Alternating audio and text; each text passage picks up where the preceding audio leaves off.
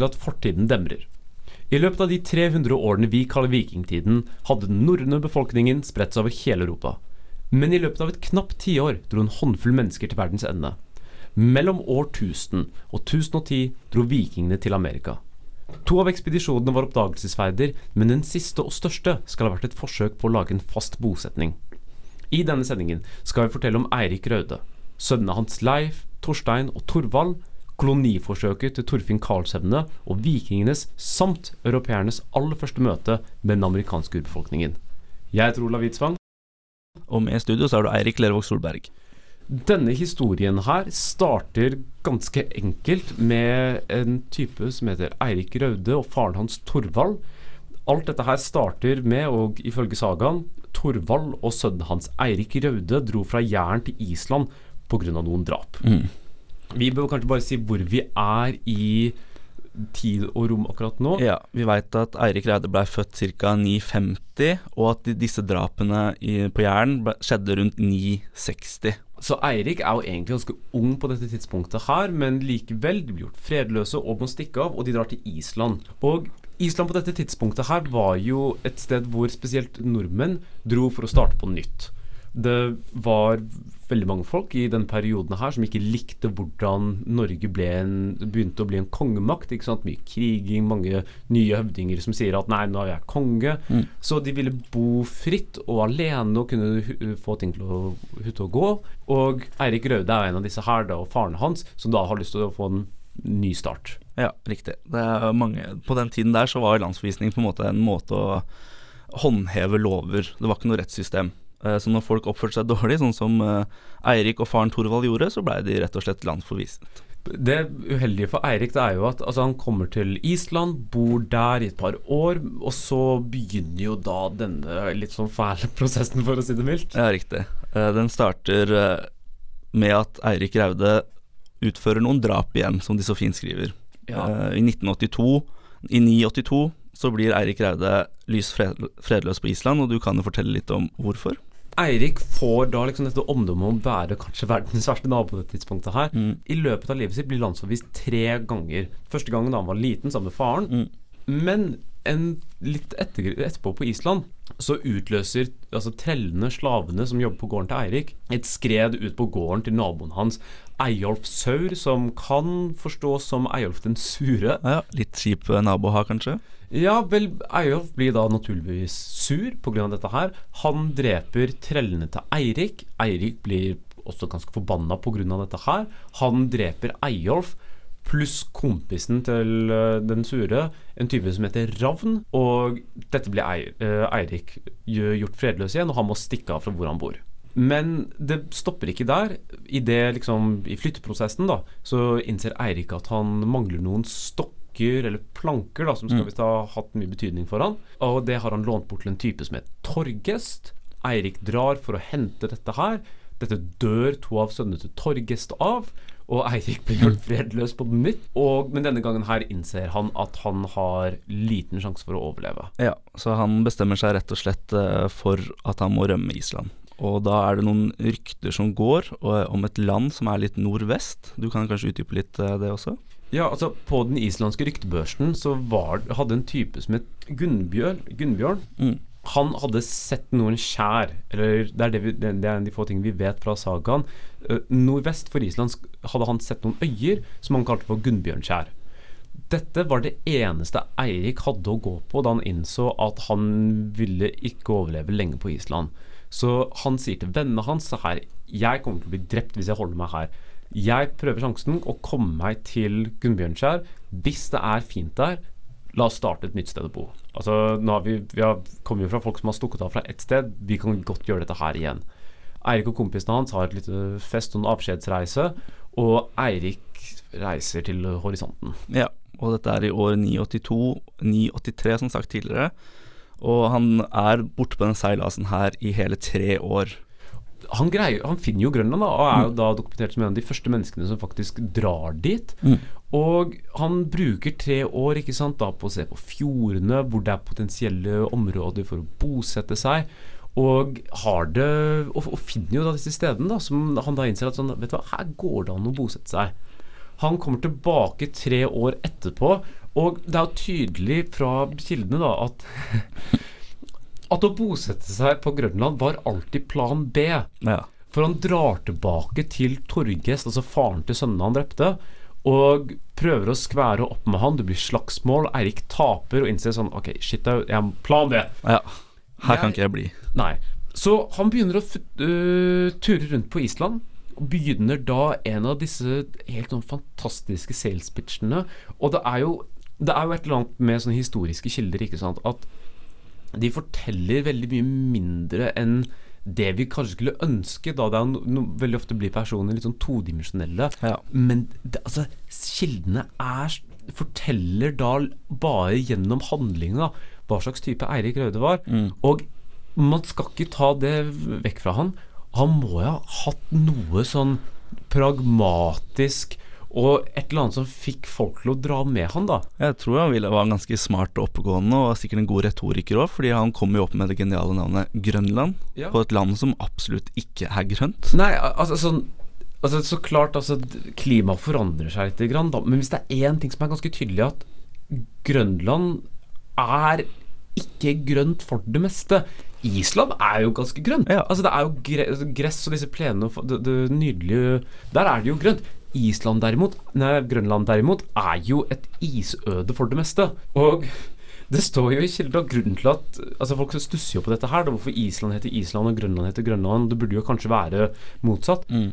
Eirik Røde, ifølge kildene, kaller Grønland Grønland fordi det ville få mange folk til å dra dit med et så fint navn. Ja, riktig. Og i da 986, 985, så er det da folk som da tenker sånn, vet du hva, Eirik kanskje han ikke er en så dårlig nabo likevel, kanskje dette her som Torgest og co. har sagt bare er tull og tøys. Vi flytter med han. Ja. Og dette er jo ikke folk som har veldig mye. Det er jo folk som lever dag til dag en ganske sånn hånd-til-munn-tilværelse. Ja, mange av de har alt å vinne på å prøve å finne en ny tilværelse. Ja. Og med tanke på at dette stedet da er, er i hermetegn grønn, Ja. så pakker de sakene sine. Og det er ikke få heller, det er det som gjør dette her så ja, det er opp mot 20-30 skip han eh, klarer å få med seg. Ja. 14 ankommer. 14 år fram. Og, og altså Man skulle jo lure på hvordan Eirik taklet det, da, ikke sant. Her er det da, ikke sant. Folk kommer da til dette ganske sånn øde, harde landskapet hvor det ikke gror en ting over et par kometer. Nei. Og greier da å få dette her til. Da kommer helskinnet ut av det. Ja, ja. Eirik ender jo egentlig opp med å bli litt sånn høvdingen av Ja. Grønland. Og ganske respektabel leder, eh, vel så det. Og er ganske fornøyd altså etter å ha blitt landsforvist tre ganger. Og så fa faktisk pleier du å da Altså Ingen kommer til å landsforvise ham fra stedet hvor han er høvding. Nei, ikke sant. Så Eirik da får folk til å dra dit, og det blir tre bosetninger på Grønland. Ja. Og du har Altså de har ikke så veldig originale navn. Du har Vestbygd, Østbygd og Midtbygd. ja. De likte å gjøre det enkelt eh, i gamle dager. Ja, og dette her er da på den vestlige kysten av Grønland. Altså Hvis Grønland er en sånn stor trekant omtrent som ligger i Nord-Atlanteren, så er det da på den siden som, grense, som er vender mot Canada. Ja. Sør-vest-siden på Grønland. Og etter hvert så blir det jo faktisk ganske mange folk som bor der. På det meste i løpet av middelalderen så ender det opp med å bo mellom 3000 og 6000 mennesker der. Ja, ganske imponerende. Med ganske mye handel til resten av verden nå, fordi at de har mange råvarer. Det er mye fisk der, ikke sant. Men det er jo da spesielt for de som bor der. Det er hardt. De lever på grensen til sult når, Ja. begynner å, når kulden begynner å bite. Det er ikke så mye muligheter for å gro ting eller dyrke ting. De har for det meste beiter med sauer og storfe, og de lever også av fiske av bl.a. hval, sel og så klart fisk. Ja, og så er det jo da mye plass, da. Det er jo ikke mange folk som bor der, så du har jo disse naturressursene som du kan leve på ganske lenge. Men det er en ganske hard tilværelse. Men det bør sies, når alt kommer til alt, Eirik fikk det til. Ja, han grunnla en gård der som han kaller for Brattalid, og finner seg en hustru som etter hvert får tre sønner med. Det er da Leif Eriksson, Torvald Eriksson og Torstein Eriksson. Og de kommer vi straks tilbake til.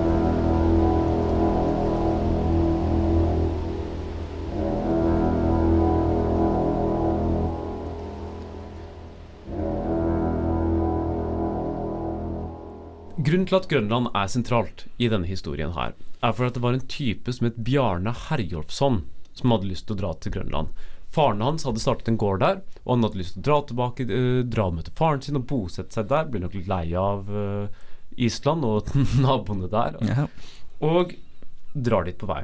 Men det som skjer, er at han blir blåst Ut av kurs. ute av kurs Mm. i tre dager på veien opp mot eh, Grønland. Det er jo Det skjer jo noe helt spesielt her.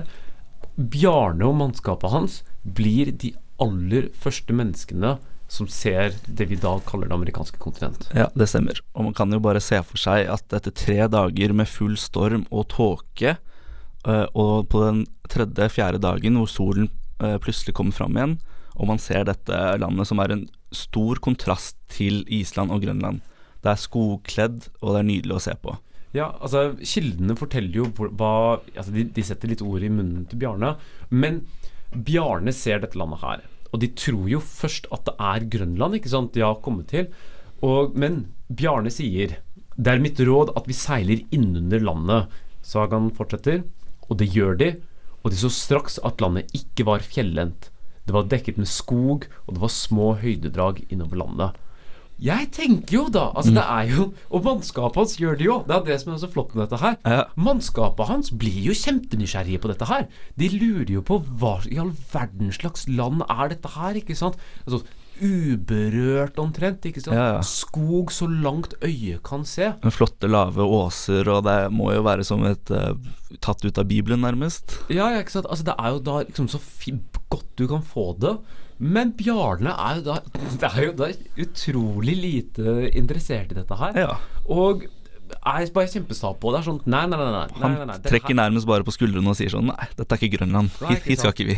Mannskapet hans innser jo at dette her er helt tåpelig. Mm. Og, de, og de gir han jo, ifølge sagaen, så bruker de eh, Mannskapet bruker vondord. Er vondord. Og hvis man ser for seg de folka på den tiden her med store skjegg og stort hår og, og breitete folk Altså, hvor sta er du, ikke sant? Hvis du, er liksom, sånn, du ser dette landet her, og du får vondord fra mannskapet, og du greier å overbevise dem, og det er sånn Hei, gutta, dette her er ikke Grønland. Nei. Vi skal ikke til dette landet her. Vi skal kursen videre, dra opp Ja. hvor vi skal. Som Bjarne sier, han mener at dette landet var det lite gagn i. Ja. og i hvert fall, da. Bjarne og mannskapet de kommer seg da til slutt til Grønland. Og de, de går hver sin vei. Bjarne bosetter seg på gården til faren. Tar over den etter hvert. Og så en liten stund etterpå så drar han til Eirik. Ja. Eirik er jo da godt etablert, ikke sant. Han har en nice gård. Han har uh, Flott kone. flott kone, tre barn, en datter. Mm. Ikke sant? Alt er eh, skikkelig fint. Han har liksom greid å få ting på stell. Og så blir han invitert til middagsselskap. Ja. Og uh, de, de begynner å snakke. De har jo en felles interesse av å reise med båt, så vi må nesten anta at eh, det er samtaletema. Ja, ikke sant. Og det blir det. De, eh, på selskapet så spør de sånn ja, gikk, var, var reisen hit fin, ikke sant? Og så sier de sagaen. Bjarne fortalte fra ferdene sine og de land han hadde sett. Og folk syntes han hadde vært lite hvitelysten når han ikke kunne, fortelle noe om disse landene, og det ble han klandret for. Ja. Så igjen, ikke sant Bjarne ikke sant burde vært sånn Ok, kanskje jeg burde ha hørt på mannskapet mitt likevel. For at det er jo noe kjempesentralt her, ikke sant. Landet er skogkledt. ja, ja. Og det er kanskje en av de viktigste ressursene man hadde på den tiden her. Ja, ikke sant. Man kunne bygge båter og hus og redskaper. Ja, ikke sant. Altså, og ikke bare det. Altså, tømmeret er jo den sentrale råvaren for nesten alt, ikke sant. Mm. Det er det man bruker for å holde seg varm, det er det man bruker for øh, ikke sant, sånn sier, skip, Mm. redskaper Nesten alt ikke sant, handler om denne råvaren. Og som sagt, det gror jo nesten ikke noe over et par kometer på, På Grønland, Grønland. ikke sant. Så de innser sånn Shit, her er det jo Dette er akkurat det vi trenger, og det kan jo ikke være langt unna, ikke sant. Mm. Leif Eiriksson, Den eldste sønnen til Eirik Raude. en person som har sin egen nasjonaldag i Amerika, hvis jeg ikke husker helt feil. Ja, Leif stemmer. Erikssons Day, som blir feiret i Minnesota, Det er kult. er kalt den personen som oppdager Amerika, og har, i motsetningen da til Bjarne, Mm. er keen på å reise. Han har en eventyrlyst, sikkert arvet etter sin far. Akkurat. Og dette her er jo da den første av de tre turene vi har lyst til å dekke i dette her. Dette her skjer i år 1000. Det starter jo altså, som sagt, altså, med disse kildene her. Det er to hovedkilder vi har på dette her. Ja. Grønlandssagaen og Eirik Raude-saga. Og det er jo litt sånn litterær frihet på dette her, da. For at eh, Leif kjøper eller får da får lånt skipet til Bjarne. Mm. Spør han litt grann om eh, hvilken rute de var. Så han innser at dette vi tar bare ruten til Torval, nei, til Bjarne, Ja. men vi bare gjør den i revers, ikke sant. Mm. Og han får et mannskap på 35 stykker, men han spør faren sin da. Ja, Eirik. Og det er jo litt søtt, da. Eirik er sånn jeg, jeg, er litt gammel for å kanskje dra på sånn tur som dette her, da. Men han blir jo overtalt til slutt. Mm. Og så er det på da hesten hans som han skal ned til skuta. På vei ned til skipet, faktisk. Ja, på, på vei ned til skuta, Mm. så sitter han på hesten og er, gjør seg klar, men så faller han av hesten, eller hesten brekker benet, sånn at Eirik blir skadet og er litt sånn veldig pent og sånn gir fakkelen videre Ja. til Leif for å vise at nei, min nå er min, Eirik anser det her som en dårlig varsel. Man var ganske overtroisk på den tiden her, så når han på vei ned til skipet da faller og slår seg såpass, han brekker visstnok både ribbein og det ene og det andre, så gir han, som du sier, fakkelen videre til sin eldste sønn. Og Leif syns dette er litt kjipt, men likevel drar videre. Og vi vil jo bare, bare sånn gi et lite sånn mentalt bilde da, for dere lyttere. At hvis dere ser for dere Canada, så har du denne ene lange øyen som strekker seg langs uh, hele kysten, og så har du denne firkantede øyen som heter Newfoundland. Det er den ruten de går nedover. Ja. Leif tar skuten av gårde. Ja. Han og mannskapet begynner å seile. De seiler jo først eh, nordover langs kysten av Grønland. De skipene her eh, holder seg egentlig best inntil land, så de mener at det er tryggest helt til de tør da å krysse vestover. Så de følger jo da en rute oppover langs Grønland, før de da går rett vestover, og oppdager da et nytt område. Sagaen sier som følger da om denne De sier ikke veldig mye om selve avreisen til Leif. Det, det er ganske knapt, men det blir spennende ganske raskt. Sagaen går som følger. Nå gjorde de klart skip og seilte til havs så snart alt var i orden. Og de fant det landet først som Bjarne og hans folk oppdaget sist. Mm. Der seilte de til et land og kastet anker. Satte ut skipsbåten og gikk til land, og de så ikke noe gress der. Inne i landet var det overlatt store gjøkler, altså isbreer, og fra sjøen og opp til gjøklene var det som en eneste steinhelle, altså en klippe, og de syntes at landet så ut til å være uten goder. Da sa Leif, det er nå ikke godt med oss, slik som Bjarne med dette landet, at vi ikke gikk i land. Nå vil jeg gi navn til landet og kalle det Helluland. Så dro de ut i skipet. Altså, Som sagt, veldig enkle mennesker. De, de, de kaller ting det de ser. Ja, ja, og, jeg, jeg liker jo veldig godt denne her, og vi kommer tilbake til senere, at sånn Nei, i motsetning til Bjarne er ikke vi en gjeng med fyser. Vi Mm. går inn, og så vi gir et navn, sier Ja. at vi har vært der. Jeg syns det er nesten litt som vet, når folk sier at de har vært i et land når de bare har vært på flyplassen. riktig. Ja, ja, Krysser av på lista. ja, ikke sant. Det er sånn Ja, jeg har vært i sånn Emiratene på verden til et annet sted. Da, Mm. jeg var der i en times tid. God kaffe. Leif er så heldig at han får lov til navn i området, og han eh, ser at det er masse steinheller og flate steinheller, så han kaller det Helleland. Ja, og de drar videre. Og så kommer de til et nytt land. Sagaen sier som følger De seiler igjen mot land og kaster anker, setter ut båten og går i land. Landet var flott og skogkledd, og så langt de kunne se var det hvite sandstrender og og grunt vann. Da sa Leif vi skal gi dette landet navn etter det egenskap, og kalle det Markland. Deretter satte de ut til skipet snarest. Og igjen, altså det er denne sånn Hm, her var det fint. Mm. Ok, da går vi videre. Ja. Men så kommer de da til det nye stedet. Da dette her som er jo Eller vi burde jo også ta med en liten ting. Da det som er fint med disse beskrivelsene, er jo at det er jo ganske nøyaktig. ikke sant? Mm. Helluland er veldig likt som den, den avlange øyen langs Canada som heter Baffin Island. Riktig. Dette her ligner veldig på disse stedene som heter sånn Sandwich Bay og Crosswater Bay, som er oppe i Nord-Canada. Altså stedene med grunt vann, dette sånn at det er skogkledd og sånt. Ja. Men de ser jo ikke sant at kysten går jo lengre sør, så de tenker jo at sånn Ok, kanskje vi skal bare utforske litt grann til. Og så kommer de da til dette fantastiske landet som de kaller for Vinland. Ja. de seiler sørover i eh, to dager og kommer da til det landet de kaller Vinland. Eh, og det er jo eh, helt nydelig, fantastisk land, i hvert fall eh, i kontrast med der de har vært tidligere. Altså Dette her er da langs ikke sant, ned Labradorkysten. Mm. Så har du denne firkantede øyen som er ved Newfoundland, Mm. eller som heter uh, Newfoundland. Som er da et sånt veldig sånn rullende landskap. Og det som er så flott med Newfoundland, er jo at her er det arkeologisk materiale på det. riktig. Dette her er jo det stedet hvor eh, Helge Ingstad, eh, arkeologen, Mm. fant faktisk da restene av leiren til Leif Eriksson. Ja. Og sagaene forteller jo om dette landet her. ikke sant? De forteller at det ikke er frost på gresset om kveldene. Solen går ned mye, mye senere, Ja. uh, senere enn det de, de, de gjør på det de gjør på Island og Grønland. De ikke trenger lov om vinteren. Ikke sant? At uh, kuene øh, Altså, de, de ser jo at sånn, herregud, her kan jo dyrene beite ute om nettene. Ikke Mm. Det er jo kjempefint. Og de blir skikkelig glad i det. Uh, de starter jo med å utforske stedet ganske raskt. Eirik sier um, nå vil jeg dele mannskap i to flokker. Jeg vil at landet skal undersøkes. Og de ser på den ene De, de går og, utover, utover hele øyen.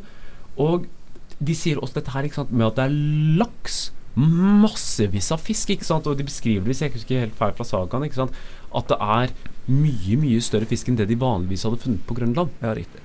Og jeg tenker jo litt dette her at sånn De kommer fra Grønland. Altså Du har dette her med at i middelalderen så var temperaturen i Europa litt grann varmere enn det den er i dag. Da, Så Mm. det var kanskje hakket bedre enn det det er nå. Men likevel, du kommer fra Grønland, og du finner dette landet Ja. her, ikke sant. Ubebodd, Mm. ingen andre folk, masse fisk, masse Altså kjempefint all across. Ja. Og så finner de jo da Altså, dette her har jo fått veldig mange historikere til å stusse. Men tyrker, fosterfaren til Leif, Mm. som er med på turen, som blir beskrevet som liten og stakkarslig, Ja. men han forsvinner den ene dagen. Og de begynner å gå etter han, og, men så kommer han tilbake, da. Så begynner han å Kommer, er kjempefornøyd Øyne, øh, og begynner å snakke tysk, da. Mm. Selv om han heter tyrker, så skal han være av germa, øh, germaner. Men så sier han Jeg gikk ikke stort lenger enn dere, men jeg har en nyhet å fortelle. Jeg fant vintrær og druer. Og Leif svarer jo Kan det være sant, fosterfar? Og så sier tyrker Ja visst sant. For jeg ble født der det verken skortet på vintrær eller druer. Ja. Og dette her er jo litt Det er derfor dette her har fått navnet Vinland. Da, og det er spesielt dette navnet Vinlandet Gode, som er da det, altså, virkelig altså Én ting er at det er fisk, varmt, ikke frost om nettene Mm. Grønt og frodig. grønt og frodig. Dette her med vin er historikere litt grann Ja, man lurer jo litt på om det kan ha en litterær forklaring. Man har jo i ettertid eh, prøvd å komme på liksom, hva slags betydning kan dette Vinland ha. Og man har jo en teori om at det har noe med det norrøne ordet for åpne gressmarker, eh, slik man bl.a. f.eks. finner i det gamle navnet på Bergen, Bjørgevin. Eh, men her er man usikker. Ja, man lurer jo på bare kanskje om Det er snakk om at det var veldig mye bær der som de bare fermenterte og lagde i hermetegn vin av senere. Men det er i hvert fall ingen tvil da om at de er kjempefornøyde. De overvintrer der, de går og er fornøyde. Mm. Og så klart, altså dette her er jo liksom verdens ende, og man kan jo se altså hvis dette her er snakk om bare om det var vindruer Man lurer på om det kan være en sånn vinavstamning som var i Canada på dette tidspunktet her, Mm. eller bare at de var litt øh, ukjente med vin generelt. Ja. Altså, de, hadde jo, de bodde jo et sted her som var ganske langt fra vin, og å få en vintønne fra uh, Europa til Grønland tok nok en god stund. Ja. Men de er i hvert fall kjempefornøyde. De pakker sakene sine og drar tilbake til, til Grønland. Med lastet med da i hvert fall tømrer i stort monn, det viktigste, som, som sagt. Uh, og i sagaen står det også vinranker, men som vi snakker om nå, så er vi litt usikre på akkurat det punktet. Ja. Men, og, ikke sant. De drar tilbake, og er fornøyd. Leif er da fornøyd med å være, i motsetning til Bjarne. Han var da veldig hvitelysten. Mm, og dette her da blir jo da Talk of the Town, og så kommer Ekspedisjon 2.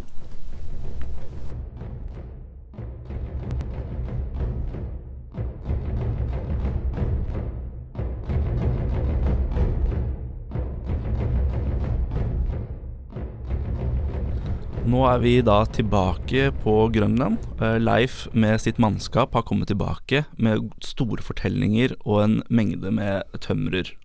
Det, altså, dette her er jo da Talk of the Town, ikke sant. Mm. Og i år 1003, lillebroren til Leif er nå keen på å dra på en liten tur, ikke Ja. sant. Torvald Eiriksson. Og Torvald da får hjelp av Leif til å finne en god rute, ikke sant.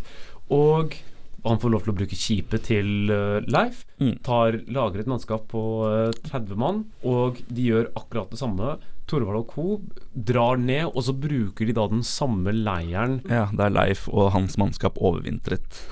akkurat, og de blir Altså, altså Det er akkurat sånn der, man, kan nesten, man, man får det ut av kildene. ikke sant? Dette Ja. her med at de er så fornøyde med dette landet her de har funnet.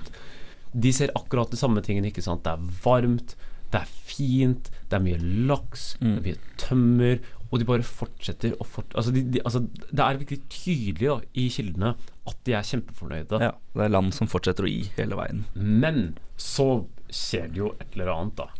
De begynner å gå litt nærmere inn. De går vekk fra Newfoundland. Her er folk litt usikre på hvor de kunne ha gått. Om de kunne ha gått inn mot Quebec, eller om de dro lengre sørover. da Noen, altså noen mener jo at de kom til Chesapeake Bay som Ja. og det området. Moderne USA. Mot USA. Andre mener at han uh, dro inn mot Quebec. Altså innover, liksom der Mm, hvor- rett vestover innover i Canada, kan man si. ja, og de begynner å gå innover og innover, og så blir eh, Og igjen, altså Torvald da finner, ser da, når de går innover mot denne elven eller fjorden som de beskriver, og kommer da til et lite nes, og Torvald sier 'her er det fagert'.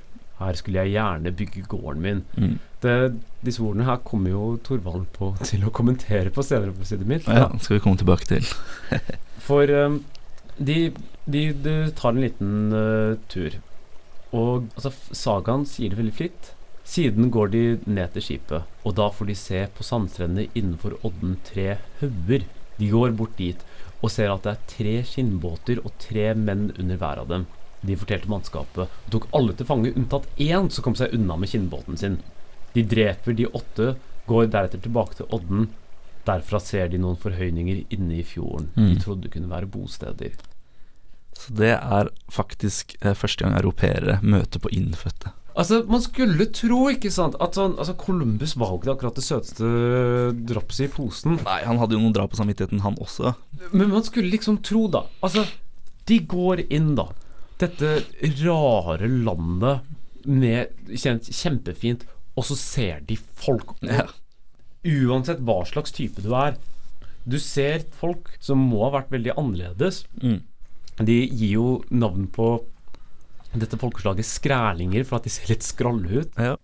Og ja, first contact med europeere er å bli drept. ja, de dreper de. Ikke bare det.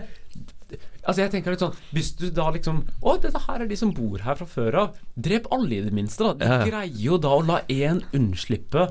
Og jeg er litt sånn Uansett hvor barsk du er, så vet du litt sånn Øy, ok, her har Ja, vi nå har vi driti oss ut litt. Her har vi bæsja på leggen. Mm. For dette her innser jo de ikke er så veldig, veldig, veldig bra. Og eh, Grønlendingssagaen her er jo lite grann fri Altså, måten man skal tolke det på, er jo ikke helt enkelt. Fordi at skuta deres får en liten eh, Blir noe ødelagt av noe slag, altså de må gå og reparere det litt. Grann. De bare går inn i land. De overnatter telter eller noe sånt. Mm. Og så plutselig, da Altså, Sagaen forteller det for, for, fortell det selv. Sagaen sier som følger. Da lød en røst over dem slik at alle våknet.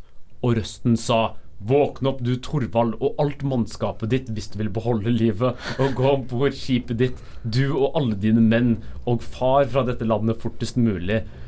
Det er jo her er, Hvordan man vil tolke dette her, er, kan, kan, går jo Man må jo anta at det er en litterær uh, virkemiddel, det her, altså. Ja, jeg tviler på at den amerikanske urbefolkningen snakker dette her, da. Ja. det er en ond ånd de øh, snakker om, men eller om det er Jeg, jeg personlig tenker jo å se for meg at dette er en drøm, kanskje, eller noe sånt som Torvald hadde. Og, altså sånn angsten av å vite at du har drept noen. Mm. Men i hvert fall, da. Det som skjer i sagaen, er at de ser inn mot elven og fjorder, og så er det bare fylt med skinnbåter Mm. som begynner å angripe dem.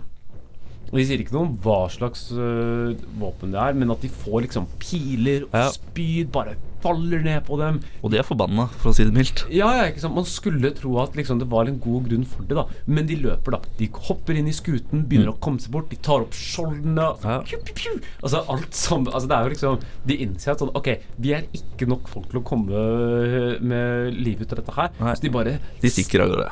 stikker med en gang, og så kommer de seg unna. Mm.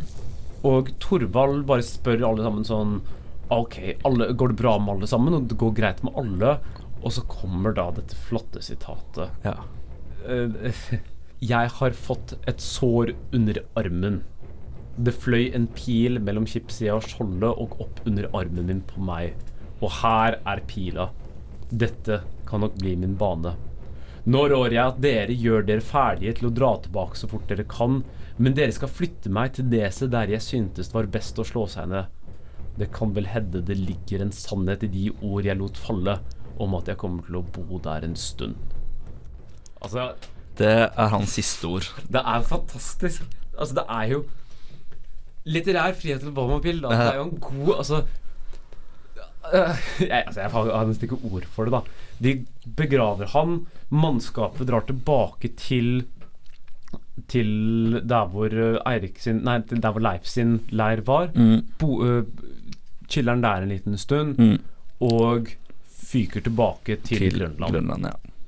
her er det jo da en liten sånn mellomfase, fordi at den ene sønnen Altså lillebroren til Leif og Torvald Mm. har jo lyst til å finne graven til Torvald, altså Torstein Eriksson, den yngste sønnen, ja. Har lyst til å dra dit, For å hente brorens lik. men det greier han ikke. Han blir syk og dør. Og for øyeblikket så er jo da folket på Grønland sikkert litt sånn Oh shit, det var folk der. Ja, ikke sant. Og nå har vi liksom mista både Torstein og Torvald til eh, den, disse ekspedisjonene. Akkurat. Men som vi sa tidligere, det er jo ikke slutten på dette her. Nei, vi kan jo si at eh, Torstein, altså den minste broren som dør av sykdom, har en hustru som heter Gudrid, og hun ender jo opp som enke. Men ikke veldig lenge. Nei.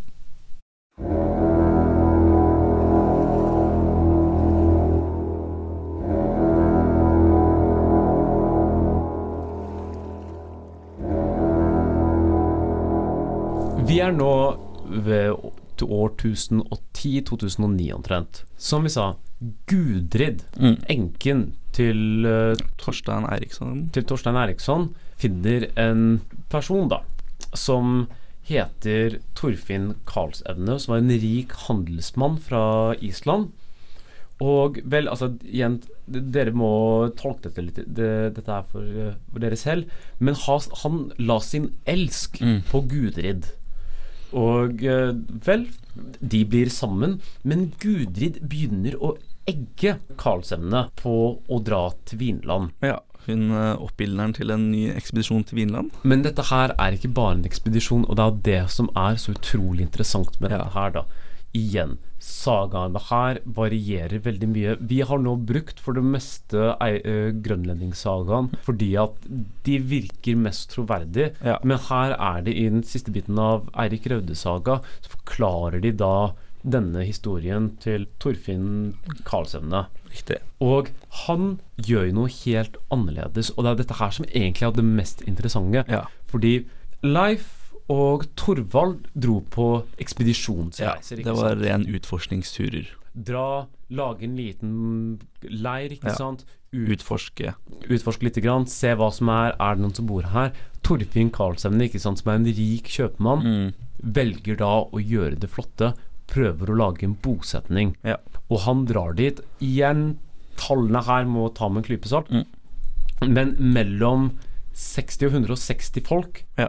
drar til Vinland. Og det som er veldig spesielt med denne turen her, er at han faktisk har med seg kvinner òg. De tar med kvinner, og de tar med husdyr. Mm. Og man tar jo vanligvis ikke så mange folk med seg hvis man har tenkt å bare Altså, det er ikke en chartertur, dette Nei, ikke sant. Du, de, de, de tar tre skip, hvis jeg ikke husker helt feil.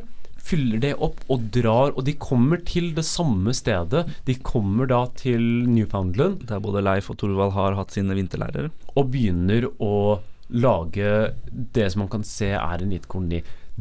Her ser man jo også det kjempeinteressante. Mm. Urbefolkningen ikke sant, lurer jo på hvem i all verden disse folka her er, og begynner å komme innover og innover mot leiren. Ja. Og altså, Saga er jo helt fantastisk. De liksom begynner, sniker seg litt sånn opp mot dette her. Da Karlsevne og co. Mm. Sånn, vinke litt til dem. med. Er litt sånn Hva i all verden er dette her for noe? Og så kommer da den ene kuen og muer kjempehøyt, og skrælingene stikker av med en gang. Ja. Og man Altså, altså man, jeg forstår det, ikke sant. Altså, det, var jo ikke noe storfe på det tidspunktet, spesielt i det området av Amerika. Så de blir jo litt skremt, men de kommer tilbake litt grann. Og begynner å blir, og, så begynner de å handle, ikke sant. Karlsevne ja, Som den handelsmannen han er, så ser han muligheter her. Ja, ikke sant. Han begynner De er Det er litt sånn Så klart, altså de er jo ikke Det er jo en språkbarriere her som er ganske intens. Men Karlsevne har meieriprodukter, noe som skrælingene blir kjempefornøyd med, og begynner å spise ost og melk og Ja, ja. Blir kjempefornøyde. Men lite grann som uh, med Thorvaldsen ekspedisjon, så går ting dårlig. Og jeg får så dårlig samvittighet, ikke sant. Altså, man har jo litt lyst til at denne historien her skal være bedre enn amerikan... eller, enn- enn- Ja, du vil jo på en måte at vi skal være bedre enn eh, Eh, Ja, men ikke bare det. Man, man skulle jo ønske at sånn Ok, Columbus gikk dårlig, men det første møtet gikk jo ikke så dårlig. Nei. Men det var det. Fordi det som skjer, er at skrælingene etter hvert vil bytte i seg våpen. De har sikkert ikke like stor, eh, stor omgang med jernvåpen, sånn som disse norrøne befolkningen har. Akkurat det man har av arkeologisk bevis for våpnene deres, er jo sånn treklubber. Ikke akkurat Altså, Douglas blir slått med en av de, men de begynner å se på spydene og sverdene, da. Til, mm. til altså disse folkene som har bosatt seg her. Og det går dårlig. Ja, fordi Torfinn eh, nekter de å bytte våpen, og det er sikkert eh, klokt, det. Urbefolkningen blir veldig interessert der og prøver å ta noen av våpnene, og det dør de av. Ja, de blir rett og slett slått i hjel. Og Carls evne innser litt sånn Doi, dette var ikke en god idé. Ja. Han sier til folket sitt dette her kommer til å bli trøbbel, vi må gjøre oss klar til slag. Ja.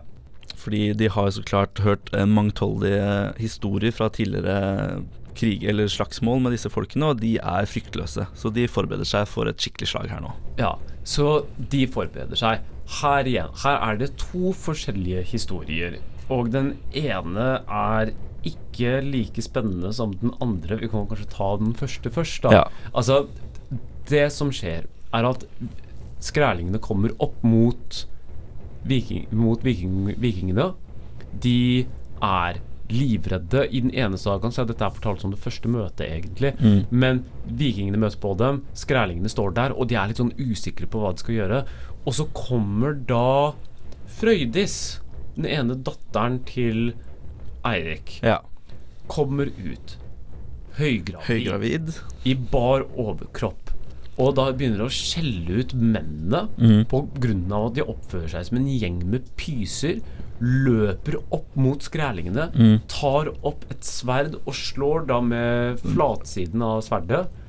Og begynner å slå det på brystene sine og begynner å jage dem bort, hele gjengen. Kommer tilbake og begynner å skjelle ut mannfolka. Dette her er mest sannsynligvis en røverhistorie. Ja, det vil nok tro. Den andre historien er vesentlig mye mer nøktern. Den forteller at det ble et slag, Mm. En god del folk døde, men at De norrøne klarte å slå de De- tilbake ja, at jernvåpnene deres er mye mye større. Det kommer en kjempestor indianer eller en, en, av, en skræling eller en av urbefolkningene Mm. som tar et våpen og kaster det til sjøs og stikker av. Og Karl, Karlsevne innser at sånn, vet du hva, dette her er ikke verdt å prøve seg på. Hvis de kommer tilbake, de er vesentlig mye flere enn oss. Det kan hende vi har bedre våpen, Ja. men vi kan ikke starte en fast bosetning her med naboer som det der. Nei, så de blir bare ut resten av vinteren, før de da seiler tilbake til Grønland når eh, været tillater det om våren. Ja, og jeg prøver jo å tenke litt for meg selv, da. Altså dette her at vikingene hadde jo bosatt seg vesentlig mye mer hissige steder enn dette her. Altså, hvis man ser på et kart hvor i Europa vikingene bosatte seg, ikke sant. Mm. De dro til England, Irland, Frankrike, Frankrike og Sicilia, Russland og Nord-Afrika, ikke sant. Noen dro helt til Jerusalem, til og med. Ja, ikke sant. De valgte å bosette seg steder med hard konkurranse. Mm. Du har jo disse arkeologiske funnene. Det var ett for et par år tilbake hvor eh, det, det var noen vikinger som hadde slått opp en leir av noe slag. Og så hadde noen, eh, en engelsk armé sneket seg opp på dem. Og så fant man graven senere hvor hodene var i den ene haugen og resten av kroppen var til, til noen sånn 50 stykker, 50 folk var i den andre. Ja. Så man ser jo at disse folkene her er jo klar til kamp, ikke sant. Og Ja, ja. det er jo en, et, folk, altså et folkeslag som er i en genuin krigertradisjon. Mm. De er vant til å slåss for det de vil ha. Akkurat. Men likevel. De kaster inn håndkle og drar tilbake til Grønland. Mm. Og utenom en liten historie der hvor uh, Frøydis, altså datteren til Eirik, drar Ja. dit med to andre og drar tilbake ganske raskt igjen, så blir ikke Grønland Nei, så blir ikke Vinland nevnt noe tidspunkt senere. Nei, det virker jo som det blir helt gitt opp som et eh, koloniseringsobjekt, da. Og så tenker jeg for meg selv, altså disse ti årene her, da, fra Eller man kan kanskje ta det litt tilbake, da. Fra Bjarne ser det på 980-tallet. Mm. Altså, men har, så har du da Leif sin første ekspedisjon rundt årtusen, Mm. og denne ekspedisjonen her rundt år 1010. Mm. Så tenker jeg, sant, altså disse ti årene her, da, hvilken retning verdenshistorien kunne ha gått. Bare for å fortelle litt om hva som skjer med Grønland, da. Bosettingen der fortsetter i 300-400 år til. Mm. Man kommer til altså det som heter spesielt den lille istiden, da, som kommer på 1600-1700-tallet Ja, hvor da været blir helt forferdelig, og man er fortsatt ikke helt sikker på hvorfor grønlandskolonien kollapset. Mange er jo i litt i den perioden mener jo at sånn, det ble kaldt og folk døde. Noen Ja. mener at de bare greide ikke å forandre levemåten sin nok til å kunne takle dårlig været. Mm. Men den forsvinner. Men det er fortsatt 300 år, om, i hvert fall, da, eller 300-400 år, hvor grøn, folk bor på, På Grønland. Flere tusen bor på Grønland. Ja, ja. Altså, Mm. altså, noen estimater sier at det bodde opp mot 6000 mennesker der. Ikke sant? Og hva de gjorde med Vinland, er usikkert. ikke sant? Altså, det er fint lite arkeologisk materiale som Eller fint lite og fint lite, da, men det er ikke veldig mye som er igjen der. Nei. Men man kan i hvert fall Og man kan ikke se noen særlig mer utenom det man har funnet i på Newfoundland av Leif Al Altså av Leif Eriksson sin leir Mm. så har man ikke så veldig mye mer enn det. Det som er tydelig, da, er jo at ting kunne ha blitt utrolig annerledes. Det er veldig spennende å prøve å tenke litt sånn kontrahistorisk på hva som faktisk kunne skjedd om det hadde blitt kolonisert såpass mye tidligere. Altså nærmest 400 år før 500 år før Columbus eh, gjør det samme. Altså, Man må jo ikke spekulere for mye. ikke sant? Altså, Det er vanskelig å se for seg. ikke sant? For at? Altså Hvis man ser for seg hvordan liksom Europa var da på dette tidspunktet her? Hadde sentral, eh, altså sentral og kontinentale Europa Mm. Norge var på utkanten av det. Mm. Island var ekstremt på utkanten. Og Grønland Grønland. var jo liksom enda Ja, lenger så langt du kommer, liksom. Akkurat. Og det bodde jo ikke så veldig mange folk på Island heller. Og det bodde ikke mange folk i Norge heller, ikke sant. Nå, de en, nå var den norske befolkningen ganske villig til å stikke av og flytte nye steder, ikke sant. Mm. Men det blir jo ledd for ledd for ledd vanskeligere og vanskeligere, ikke sant. Altså den turen fra da Det blir ytterpost ytterpost ytterpost, og da blir det etter hvert bare tynnere og tynnere. Akkurat, altså, altså Det er ikke snakk om periferien, dette her. Norge er periferien. Mm. Island og Grønland er verdens ende, så du kan jo se for deg hvor blir verden, hva er verdens ende for verdens ende. Mm. Det jeg syns er kanskje det mest interessante her, er ikke nødvendigvis hvis det hadde blitt en genuin kolonisering av Nord-Amerika. Fordi kanskje det hadde bosatt seg et par folk der, en sånn Carl Semne-gruppe. Ja. Det kunne kanskje kommet lyd videre til dette her, til Norge og Det kongelige hoffet. Ja. Det som egentlig er en sånn Kunne ha vært en litt sånn unforeseen consequence, er sykdommene. ja, riktig. Fordi det jeg tenker ikke sant At en av hovedgrunnene til at koloniseringsprosessen i Amerika var så lett, var fordi at opp mot 90% av befolkningen noen steder Mm. strøk jo med. De døde i hopetall når eh, de hvite europeerne kom. Ja, de hadde jo ikke noe immunforsvar mot de sykdommene som eh, kom da. Og nå, det, det er vanskelig å se for seg at hele USA hadde blitt gjort Nei, hele det amerikanske kontinentet hadde blitt gjort immun. Det som jeg syns er spennende, er Mm. bare at hvis nord Altså den nordøstlige delen av Amerika Hvis de hadde blitt smittet ikke sant, Ja. med influensa, kobber, kopper Altså de andre vanlige sykdommene som Ja. Vi er vant til i Europa, som vi har spesielt fått fra husdyr. Og at det kanskje tilsvarende antall dør uh, for det, men de som overlever, blir immune. Ja, ikke sant. Se for deg hva som hadde skjedd hvis den nordamerikanske urbefolkningen hadde fått et 500 års forsprang med Mm. immunitet, ikke sant. Hva hadde skjedd? Bare, altså, et lite tankeeksperiment. De vikingene er der kanskje bare lite grann. De, en eller annen av urbefolkningen får en, noen av disse sykdommene her. Det sprer seg som ild i tørt gress. 90% av befolkningen dør. Mm. Men den befolkningen igjen Mm. vokser, kommer opp igjen. Hva skjer med New Amsterdam? Ja, ikke sant. Hva skjer med Quebec? Ja. Hva skjer med alle disse landområdene hvor amerikan... eh, Altså hvor da engelske og franske og nederlandske og for så vidt svenske og tyske Mm. bosettere Hvis de får en ordentlig kamp Altså Noen av disse slagene med f.eks. Hiawatha og mange av disse andre store uh, indianerhøvdingene ga en ordentlig hard kamp Mm. på, på 1700-tallet, spesielt på 1700-tallet i det hogget, hvor, hvor bosetterne slet skikkelig mye. Bosetterne, spesielt i starten, da, hadde det jo ikke lett. Altså det er Thanksgiving kommer fra dette her med at de ikke forsto hvordan de kunne bosette seg der. Og det er jo dette her med at de hadde regelmessig, regelmessige krangler med urbefolkningen. Ja. Men hvis det er i stedet for at det er 10-20-30, bare halvparten av dem Se for deg hvis det hadde vært dobbelt så mange av dem. Ikke sant. Og det vi kjenner til i historien allerede den dag i dag, er at mange av de koloni koloniseringsforsøkene som ble gjort, ble gitt opp. Svenske kolonier, tyske kolonier, nederlandske ble etter hvert gitt opp også. Eh, Så jeg kan bare se for meg hvor mye vanskeligere det ville vært for de europeiske stormaktene da å prøve å etablere et eller annet. Og det er det, ikke sant Hvis Torfinn Karlsevne sin ku ikke sant, Ja, ikke sant. kunne ha gjort at hele verdenshistorien hadde vært annerledes Mm. Mest sannsynligvis hadde jo de greid å kolonisere USA, men hva den motstanden hadde gjort i uavhengighetsperioden på slutten av 1700-tallet, kanskje Hvem er det som ikke hadde blitt født? Hvem er det som hadde levd i stedet? er veldig interessant å tenke på. Og det er spesielt det med tanke på at det landet som oppsto i disse koloniene, er jo en ubestridte stormakt den dag i dag, og det kunne jo vært en helt annen situasjon i moderne tider. Jeg tenker at det å ta med fra denne historien her, da, så det er jo liksom for veldig mange Altså, vikingene var jo voldelige, ikke sant, Mm. i sin natur.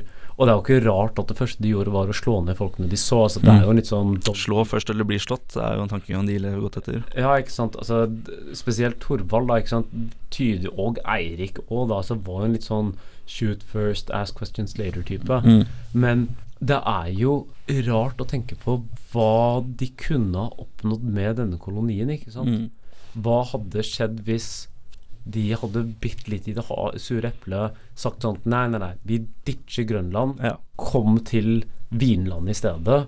Og jeg tenker jo ikke sant at evnen til å bo der, og spesielt fra kildene, så får man jo se et veldig klart bilde på at Grønland var et hardt sted å bo. Absolutt. Med en gang Eirik, Eirik drar til Grønland og bosetter seg, så er det en historie om at det sykdom får kjempemange til å stryke med. Eirik Raude stryker med pga. sykdom Mm. ganske raskt eh, etter at Leif Eriksson kommer tilbake. Ja, på Grønland, og med mange med han også, som eh, dør. Ja, at hvis de hadde hatt tømmer, ikke sant Hvis de hadde hatt hogst Mm. til kuene kom, ikke sant Altså bare hatt, kunne hatt varme, det hadde vært bedre temperatur der, de kunne ha spredt seg ut. Mm. Altså Det er jo en av disse store mysteriene. Mest sannsynligvis så er jo grunnen til at de ikke fortsatte kolonien der, var bare for at det var ikke nok folk. ikke Nei. Og mangel på en sentral styremakt i Norge også, som kunne pushe på at eh, her er det mye handel vi kan foreta, staten blir rik. Det var noe av det som gjorde at det ble så mye ekspedisjoner på da, slutten av 1400-tallet og starten av 1500-tallet. Og, og så klart at, ikke sant, at befolkningen i Norge var liten, befolkningen i Island var mindre, og Mm. Grønland var enda mindre. ikke sant? Så det var jo ikke sant at når du da har I det du hadde et koloniseringsforsøk med spesielt Karlsevne, ikke sant Mm. De prøvde seg på det, men greide det bare ikke. Ja, de hadde ikke nok eh, backing. Det er jo interessant å tenke på hva det her kunne kanskje hatt for eh, middelalderens eh, Norge, i høymiddelalderen. Fordi både Grønland og Island og Shetland og Færøyene ble underlagt den norske konge etter hvert, i noe som heter Norgesveldet. Så hadde det vært interessant å se om også da den kolonien på Vinland ville vært en del av disse bilandene. Ja, og med tanke spesielt på at Norge i denne tiden her var jo et spredt rike i første omgang òg. Med skipsrutene som det største. Ikke sant? At det er jo store distanser, men distansen fra Grønland til Canada er jo ikke den store. Nei, ikke sant. Men det er interessant å tenke på. Og for alle lytterne våre, vi anbefaler på det sterkeste å lese disse sagaene, fordi de er lettlest, og de er Ja, lette å finne. Og det er god lesning òg. Men vi har håpet at uh, dette har demret uh, litt grann mer. Mm. Jeg heter Olav Widsvann. Jeg heter Eirik Lero Solberg. Tusen takk for oss. Håper dere har en fin dag videre. Ha det bra.